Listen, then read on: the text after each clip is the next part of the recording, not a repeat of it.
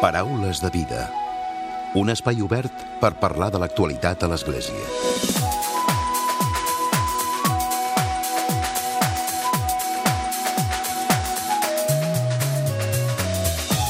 Què tal? Salutacions i molt bon dia, molt bon diumenge. Avui parlarem de la Pasqua Hospitalària, una proposta que ofereixen els germans de Sant Joan de Déu per viure el misteri pasqual, centre de la vida cristiana al costat d'altres joves i des d'una experiència de pregària i servei. Sota el lema Contigo me la juego, aquest any se celebra del 28 de març a l'1 d'abril. El lloc de celebració serà la Fundació Institut Sant José de Madrid, un centre sociosanitari dels germans de Sant Joan de Déu que té com a missió missió oferir atenció integral a les persones amb processos clínics complexos en fase subaguda i crònica, amb un alt nivell de dependència en règim d'hospitalització, ambulatori i també domiciliari. Avui en parlarem al Paraules de Vida i ho farem en conversa amb l'Eduardo Ribes, que és el primer conseller de l'Orde Hospitalària Sant Joan de Déu de la província d'Aragó, Sant Rafel.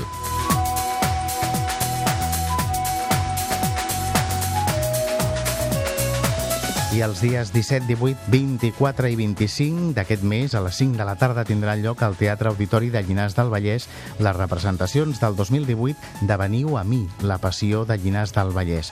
El grup de teatre Till Tall, que enguany celebra els seus 30 anys de trajectòria, posa en escena Veniu a mi, la passió de Llinars.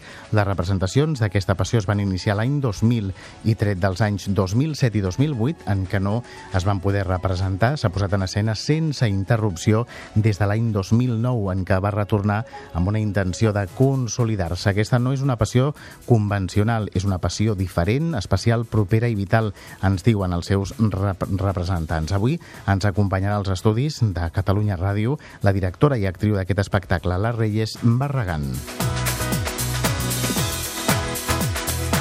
I com sempre, hi haurà un nou comentari de l'actualitat de Francesc Romeu. Comencem.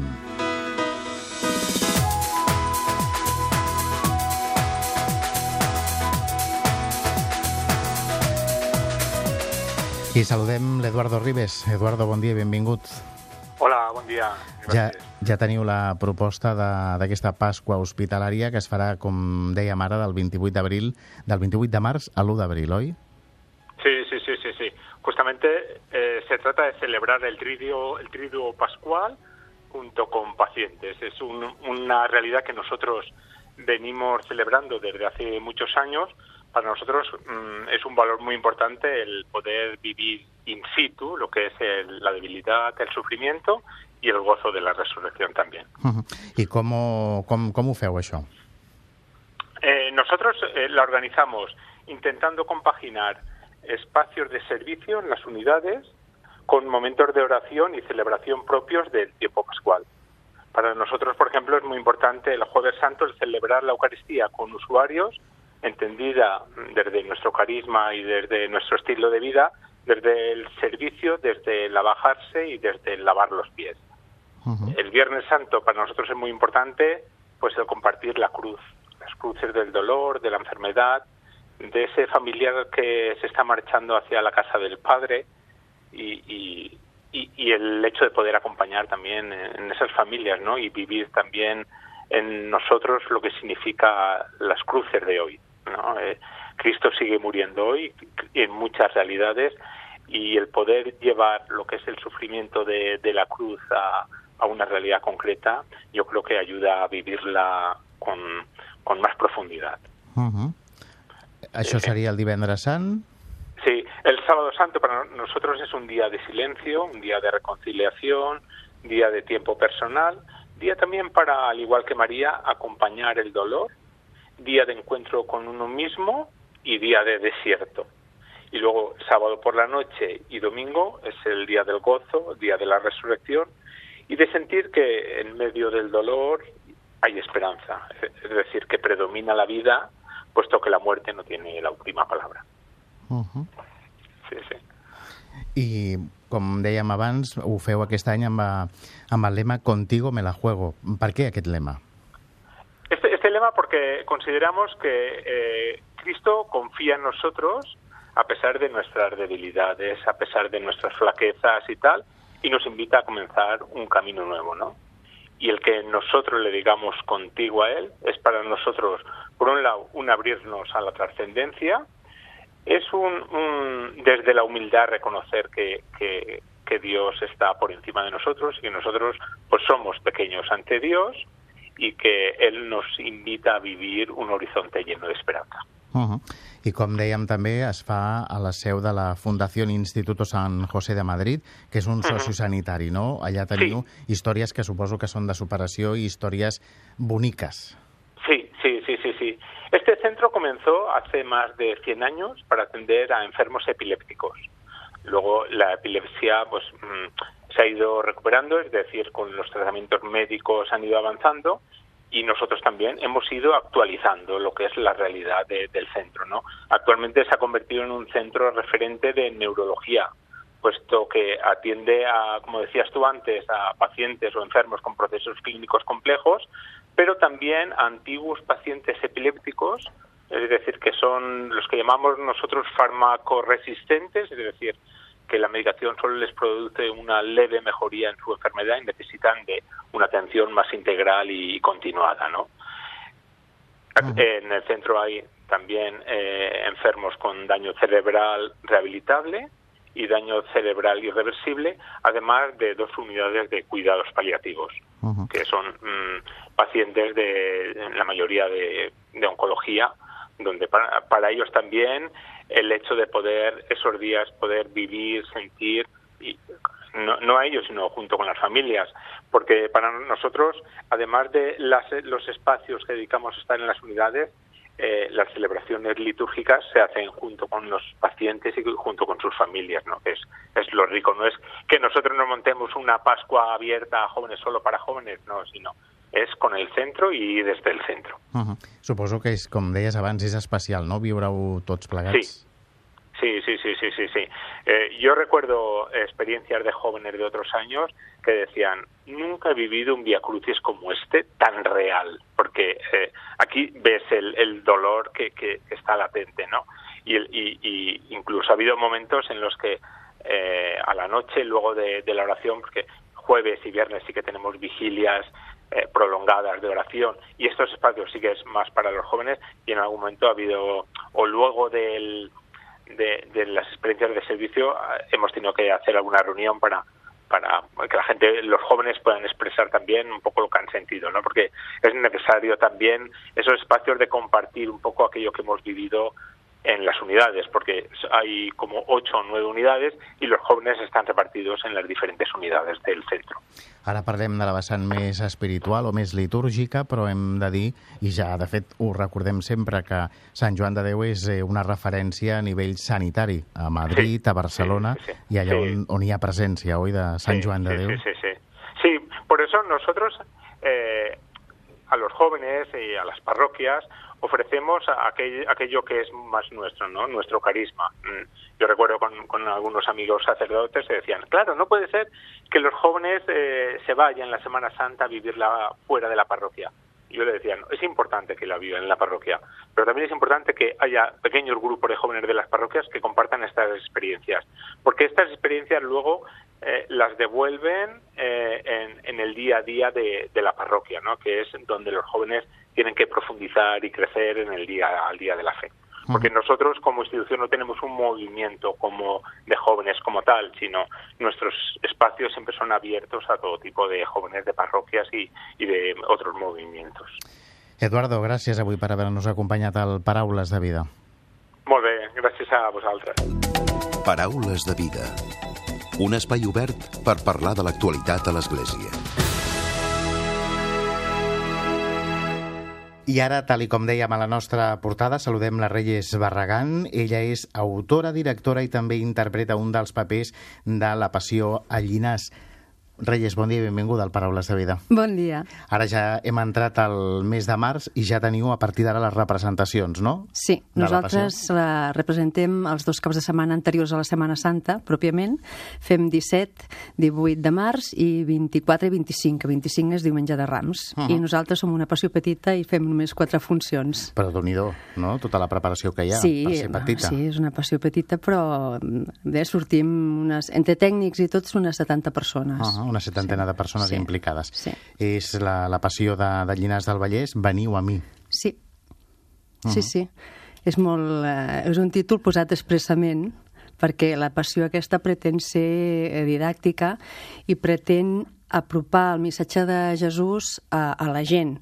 Eh, que la gent el descobreixi o el redescobreixi. Diem que està molt en la onada aquesta de la nova evangelització, diem nosaltres. Però a l'hora de, de fer el text fas eh, modificacions, fas adaptacions, com ara dius, al- als, nos, als temps actuals? Com, Sí, com a veure, fas? eh, la història és la mateixa.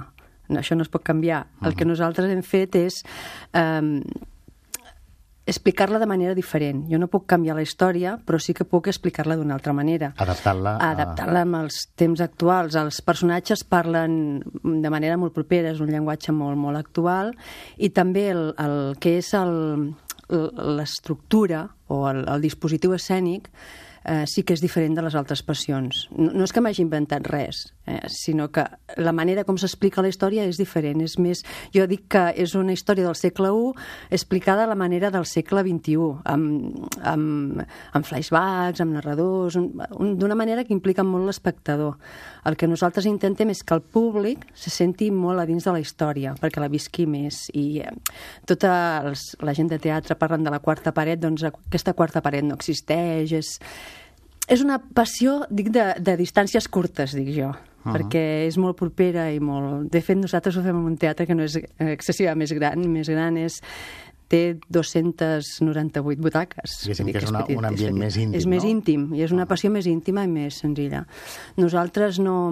Com que volíem que la gent es fixés eh, sobretot en el text i en el missatge, no posem decorat, no hi ha, sí que hi ha un, una idea, no? de Però és més sobri, no? Sí, és molt, so, és molt, jo dic que és austera i senzilla perquè no hi ha decorat, hi ha, no hi ha res. Hi ha uns elements que entren i surten, però no hi ha res que distregui del que és el missatge i, i el text. Uh -huh. El paper de les dones és important. El paper de les dones és molt important. Això és una altra cosa que crec que la diferencia de les altres passions, que les dones queden una mica al marge. Uh, jo com a dona volia que les dones tinguessin més És una mica com protagonisme. reivindicar el paper de la dona dins l'església i dins de- Jo crec que sí, és molt això també. Perquè, mm, clar, si tu llegeixes el, els evangelis, les dones no tenen nom, així com els deixebles tu saps qui són i tenen un nom. Les dones que d'allà de passada, en algun, no sé si és Lluc, que hi, diu hi havia unes dones que hi anaven al darrere. I... Doncs jo aquestes dones que hi anaven al darrere estan allà al costat dels deixebles i, i els segueixen a, a Jesús i, i estan allà. Vull dir que una cosa tan simple com, com el sopar, no? penso que algú el devia fer. I les dones... I, I jo no puc pensar que Jesús les deixés al marge del Sant Sopar, per exemple, no? I, i estan presents al Sant Sopar. I, i sobretot eh, Magdalena té una, una presència important com a, com a narradora i les dones expliquen la, la, la vivència del, del contacte amb Jesús en, en primera persona. Però que penso que és una passió molt femenina per això, perquè sí, està escrita per una dona, però les dones són molt presents i tota la sensibilitat femenina hi és molt present. Uh -huh. I crec que enguany també hi ha com a novetats que incorporeu actors més joves, no? Sí, a veure, nosaltres tenim un problema, que som una passió petita, que ja ho he dit, i sempre ens costa de, de trobar actors. Eh, Sí, sí que hi ha una gent que està des del principi, però costa, costa.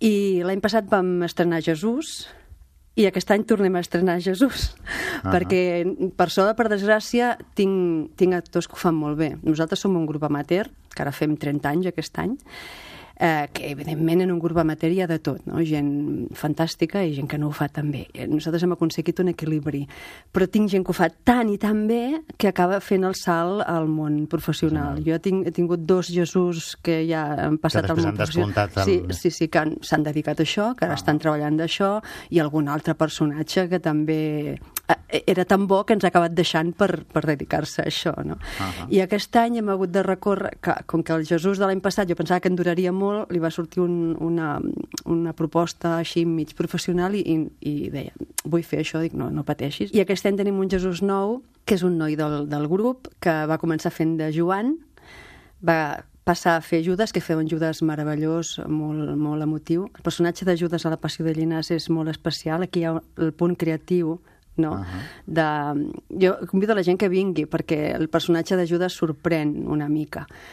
Doncs aquest noi que feia un Judas tan fantàstic, com que feia un Judas tan fantàstic, l'hem hagut de, de pujar de categoria i ara fa I ara de Jesús. Jesús. Uh -huh. eh, és un Jesús que sí que és molt jove, eh, però eh, és un noi amb una sensibilitat tan gran i una bondat tan gran que posa al servei del personatge i jo penso que, que a tothom li encantarà. Uh -huh.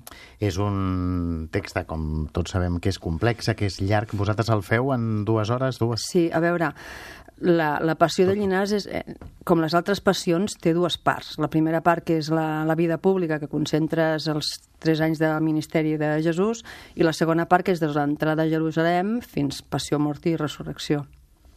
Uh, el que passa és que nosaltres hem, el que hem intentat és agafar allò essencial i dura dues hores 45 minuts amb la mitja hora, ai, amb la 15 Una minutets pausa. de pausa. Tot depèn de si comences molt puntual o no, però, però sí que és més curta i és més de bon passar, perquè hi ha una primera part una hora i una mica més i la segona part una hora i una mica més. I sí, és, és molt àgil perquè eh, amb aquesta idea d'una manera nova d'explicar sí que anem enllaçant una, una escena amb l'altra, no són quadres aïllats, eh, hi ha uns narradors que van anant i venint del passat al present, és, és tot un, una manera nova d'explicar la passió. Uh -huh. La Reyes és la- l'autora, la, adapta el text original, és també la directora i també fas un paper, no? Uh -huh. Has anat fent diferents papers al llarg de la, de la història de la A Passió veure, de Llinàs? jo vaig començar fent de Magdalena, perquè de fet vaig escriure el personatge per mi. Uh -huh. I vaig estar fins al 2009 fent de Magdalena, que és un personatge que he viscut moltíssim i em va costar molt deixar-lo anar, i és com que teníem noies joves que pujaven i que s'ha de donar oportunitat a les noies joves a fer papers i anar creixent en el teatre, jo va- vaig passar a fer de Maria. I al principi em va costar molt perquè m'agradava molt fer de Magdalena, però mm, ara ho gaudeixo molt i sóc molt feliç fent de Maria i tot el que visc tant en el procés dels assajos com en els dies de la representació eh, no canviaria per res. Com són els... Suposo que hi ha feina prèvia important, no? Els assajos i ja quan s'acosta la, la Sí. data, les dates... Sí, nosaltres comencem... Eh, abans de Nadal, tothom ja sap quin paper farà. Ja tenim la publicitat pensada, ja tenim moltes coses fetes. I abans de, de Nadal fem la reunió d'inici, que dic jo, i els ajuntem a tots i a tothom li anem atri- atribuint el paper, a tu aquest any et toca fer això, i, i la gent se'n va de vacances a Nadal sabent... Amb el paper amb el que- paper que quan tindrà. vingueu després de Nadal, mm, veniu amb el paper après. I comencem després de Nadal. I anem fent assajos, tres assajos a la setmana, els diumenges a la tarda. Els nostres diumenges uh -huh. és tota la tarda tancats en un teatre apassionadament. Uh -huh. Reyes, i abans d'acabar, comentem també la, la fotografia que il·lustra Sí. la passió, que de fet és, mm, no, diu, et sorprendrà, no? que és el, una mica el lema, no? Sí. l'eslògan que teniu. Sí, estem molt contents amb la publicitat d'aquest any, que ens va costar una mica d'acceptar la proposta del dissenyador, perquè teníem por que no, que no s'entengués, no? que, que, algú, que algú s'ho prengués malament, malinterpretés. Um, és una noia sorpresa que està al pati de butaques i, i porta la, la corona d'espines. Nosaltres era la idea de fer, de fer un espectador que queda tan, tan sorprès i tan captivat per la història que, que se l'emporta. I és, aquesta és la idea. I, és, i en, ens, l'hem fet molt nostra perquè, de fet, la- l'actriu és, és una actriu del grup, Del grup. la corona d'espines és la que surt a la funció i el pati de butaques que es veu és el nostre teatre. I sí, estem contents i fins i tot eh, l'altre dia un, un capellà em va dir no, sí, sí, això recorda un cartell de- d'una pel·lícula de l'any 40 de Joana d'Arc i pensar, molt bé, i estem contents de la resposta i el, i el dissenyador encantat perquè ens va vendre molt bé El- la seva idea, la seva no? idea i nosaltres eh, vam fer un acte de fe Ahà. i li vam acceptar. Doncs Sí, sí. recordem, abans de marxar, Sí. eh, Reyes, és el cap de setmana del 17 i 18 i del 24 i 25 de març. A les 5 de la tarda Al Teatre Auditori de de Llinars Llinars del Vallès. Uh, les entrades es poden comprar al web del Teatre Auditori, és www.teatreauditorilllinars.cat i el mateix dia de la representació jo li demano a la gent que la compri abans que ens fan molta il·lusió quan ens diuen des del teatre mm, Ja ja, hi ha tenim mig ple, o entrades." hi ha tantes entrades Ahà. perquè, a veure, nosaltres som un grup de teatre amateur que durant l'any fem altres coses la passió és la nostra gran actuació de l'any i esperem que vingui molta gent i és quan Doncs des disfrutem. d'aquí, des del Paraules de Vida de Catalunya Ràdio, en fem aquesta crida també i animem els nostres oients a que assisteixin a la Passió de Llinars del Vallès. Reyes, gràcies i un plaer. Gràcies a vosaltres, nosaltres encantats de ser aquí. Paraules de vida. I tot seguit arriba el comentari de l'actualitat de Francesc Romeu. Francesc, molt bon dia. Molt bon dia a tothom. El passat dissabte 24 de febrer, amb una celebració eucarística d'acció de gràcies a la parròquia de Santa Tecla de Barcelona, una entitat molt ben valorada i molt estimada de la nostra Església catalana, Justícia i Pau, va celebrar els seus primers 50 anys de vida. Aquesta associació va ser creada pel papa Pau VI el 1967 i just un any després, molt poc abans de l'emblemàtic maig del 68, ja es va establir a Barcelona, la primera de tot Espanya. El seu objectiu, tal i com el volia el papa, era molt concret, vetllar per aplicar l'Evangeli al món real i concret. Però nosaltres estàvem immersos de ple en el franquisme, una dictadura que havia retallat les llibertats i calia anar lluitant tot denunciant les injustícies i el poc respecte pels drets humans per tal de poder tornar cap a la democràcia. Segons el president actual de l'entitat, Eudal Vendrell, els pilars que han sostingut aquesta associació durant aquests 50 anys han estat la solidaritat, la fraternitat dels humans i la fidelitat a la dignitat de la persona. El seu director actual, Eduard Ibáñez, també explica que són l'esperit de defensa dels drets humans i de la dignitat de la persona el que fan el motor de l'acció de justícia i pau. Com diu ell, nosaltres contribuïm a crear opinió pública a partir dels drets humans. Mitjançant la paraula i amb conferències, jornades de debat, es tracta d'anar creant opinió i d'anar fent un pòsit de valors en la societat per tal que sigui més favorable a la dignitat de la persona. Nosaltres mirem d'influir en els poders polítics amb les nostres campanyes per tal que facin polítiques més adequades per la persona. El qui va ser durant prop de 12 anys president de Justícia i Pau, Arcadi Oliveres, i amb una llarga trajectòria de compromís i de lluita, ho resumeix molt bé en tres grans etapes. Diu ell que hi ha, en primer lloc, els inicis durant la dictadura, treballant per l'amnistia dels presos. En la segona etapa, ell destaca la gran acció del periodista Joan Gomis, antic director i president de Justícia i Pau, i que va impulsar la cooperació i el desenvolupament cap al món. I en la tercera etapa, amb Eduard Ibáñez, tot fent una acció continuada que ha anat penetrant els diferents sectors socials. El bisbe auxiliar de Barcelona, Sergi Gordo, que va presidir la celebració acompanyat de l'arcabisbe Joan Enric Vives, va dir que l'entitat ha de continuar en la mateixa línia, sobretot continuar ajudant els pastors a no adormir-se i, i guiant-nos en, el, en aquest camí i vetllant per la dignitat de la persona. L'arcabisbe Vives, actual bisbe d'Urgell, però que havia estat conciliari de l'entitat barcelonina, en la homilia va subratllar que la justícia i la pau han de ser fonamentals en el llenguatge de l'ésser humà i de tot cristià. Per la seva banda, l'alcaldessa de Barcelona, Ada Colau, que tal com va dir no podia faltar en aquesta cita, va donar les gràcies per l'existència d'aquestes entitats que donen la cara per la justícia. Sou una entitat imprescindible, va dir, i un referent en la defensa de la justícia i la pau en els moments més difícils. La defensa d'aquests dos valors vol dir no defugir, sinó encarar la pau. Són aquestes persones i aquestes entitats les que més necessita la nostra societat. Per acabar, ja que hem parlat d'aquest tema de les lluites socials, avui també voldria recordar molt entranyablement a Jaume Botei, que ens va deixar el passat dijous 15 de febrer amb 78 anys després d'una fulminant infecció hepàtica. Botei, nascut al barri del Poble Nou de Barcelona, era llicenciat en Filosofia, Teologia i doctor en Història i Antropologia. Va participar en els moviments d'església inspirats en el Concili Vaticà II, entorn dels anys 70, que van suposar un desafiament al franquisme. Va viure al camp de la Bota, mentre el seu germà Francesc Escolapi era a la presó de Zamora per haver defensat els gitanos. Quan va arribar al barri de Can Serra d'Hospitalet de Llobregat es va vincular al moviment sociopolític de la ciutat, essent-ne fins i tot regidor. Va ser professor de l'Institut Torres i Bages i professor d'Història a la Universitat Autònoma des del 1975.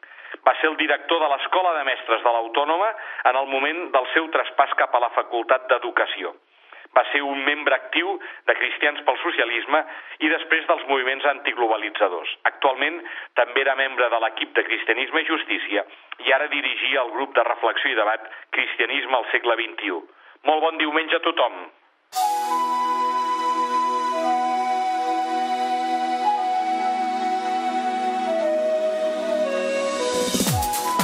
Fins aquí el Paraules de Vida d'aquest diumenge. En Josep Maria Marçà ha estat el control tècnic i qui us ha parlat l'Emili Pacheco. Que passeu bon diumenge i bona setmana.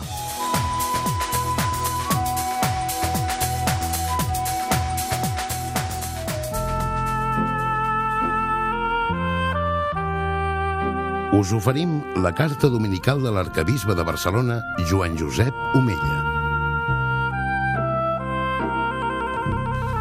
Déu vos guard. Fa uns anys vaig llegir una narració dels pares del desert.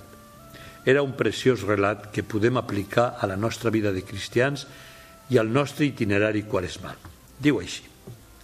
Un monjo va preguntar a un altre monjo més vell per què deu ser que molts abandonen la vida monàstica? El monjo més vell li va respondre a la vida monàstica passa el mateix que a un gos que persegueix una llebre. La persegueix i en aquesta carrera crida i borda. Se li uneixin molts altres i tots corren junts, però en un cert moment tots aquells que no veuen la llebre es cansen i un darrere d'altre desisteixen. Només els qui la veuen segueixen fins al final. Només qui ha posat els ulls en la persona de Crist crucificat pot perseverar fins al final. Aquesta és la gran conversió, el gran canvi al qual ens crida la Quaresma. No deixem per al futur la conversió a la qual ens crida Jesucrist. Convertiu-vos i creieu en la bona nova. Ser cristià és seguir Crist sense defallir, sense cansar-se i fins al final. Però això suposa, primer, un gran amor. Amor que no és només sentiment i emoció, sinó sobretot actitud de profunda acollida i gratitud pel gran amor que Crist ens ha manifestat morint per nosaltres a la creu. La vida que ara visc en el cos, la visc gràcies a la fe en el Fill de Déu, que em va estimar i es va entregar ell mateix per mi. Qui contempla el crucificat amb una mirada de fe, d'humilitat i d'humanitat, sent el desig de correspondre a aquest misteri d'amor donant-se, lliurant-se un mateix, posant-se al servei del Senyor, dient-li què vols de mi, Senyor? I segons, renunciar a tot el que ens separa de l'amor. Aquí és on els cristians situem el dejuni de què parlem en la quaresma. El dejuni no és masoquisme, no és voluntarisme, és camí per viure i expressar l'amor. Qui estima sap renunciar a tot allò que pot allunyar-lo de la persona estimada. El dejuni és també camí per exercitar-se en un lliurament generós, voluntari, àgil. Jesucrist va portar la creu amb dignitat i amb amor, perquè estava entrenat per acceptar la voluntat del Pare, perquè l'estimava i estima sense mesura, i perquè sabia viure la pobresa, la renúncia, la manca d'aliments, també per amor. El fill de l'home no té on reposar el cap. Tant de bo sabéssim unir i entrellaçar els tres pilars que sostenen la vida cristiana que sostenen el temps de gràcia que és la quaresma, que són la pregària, el dejuni i l'almoina. La pregària ens crida, el dejuni intercedeix i l'almònia rep. Pregària, almònia i dejuni constitueixen una sola i única cosa i es vitalitzen recíprocament. El dejuni és l'ànima de la pregària i l'almoina és la vida del dejuni. Això ho diu Sant Pere Crisòleg. Avancem, germans, sense defallir cap a la Pasqua. El Senyor ens espera per fer-nos en l'Església grans meravelles. Faré una cosa nova, diu el Senyor. L'amor sense mesura de Déu, que brolla sense parar de la creu gloriosa, refà el món, guareix qualsevol ferida, ens restaura sempre. Benvolguts germans, que Déu us beneixi a tots. Us hem ofert la carta dominical de l'arcabisbe de Barcelona, Joan Josep Omella.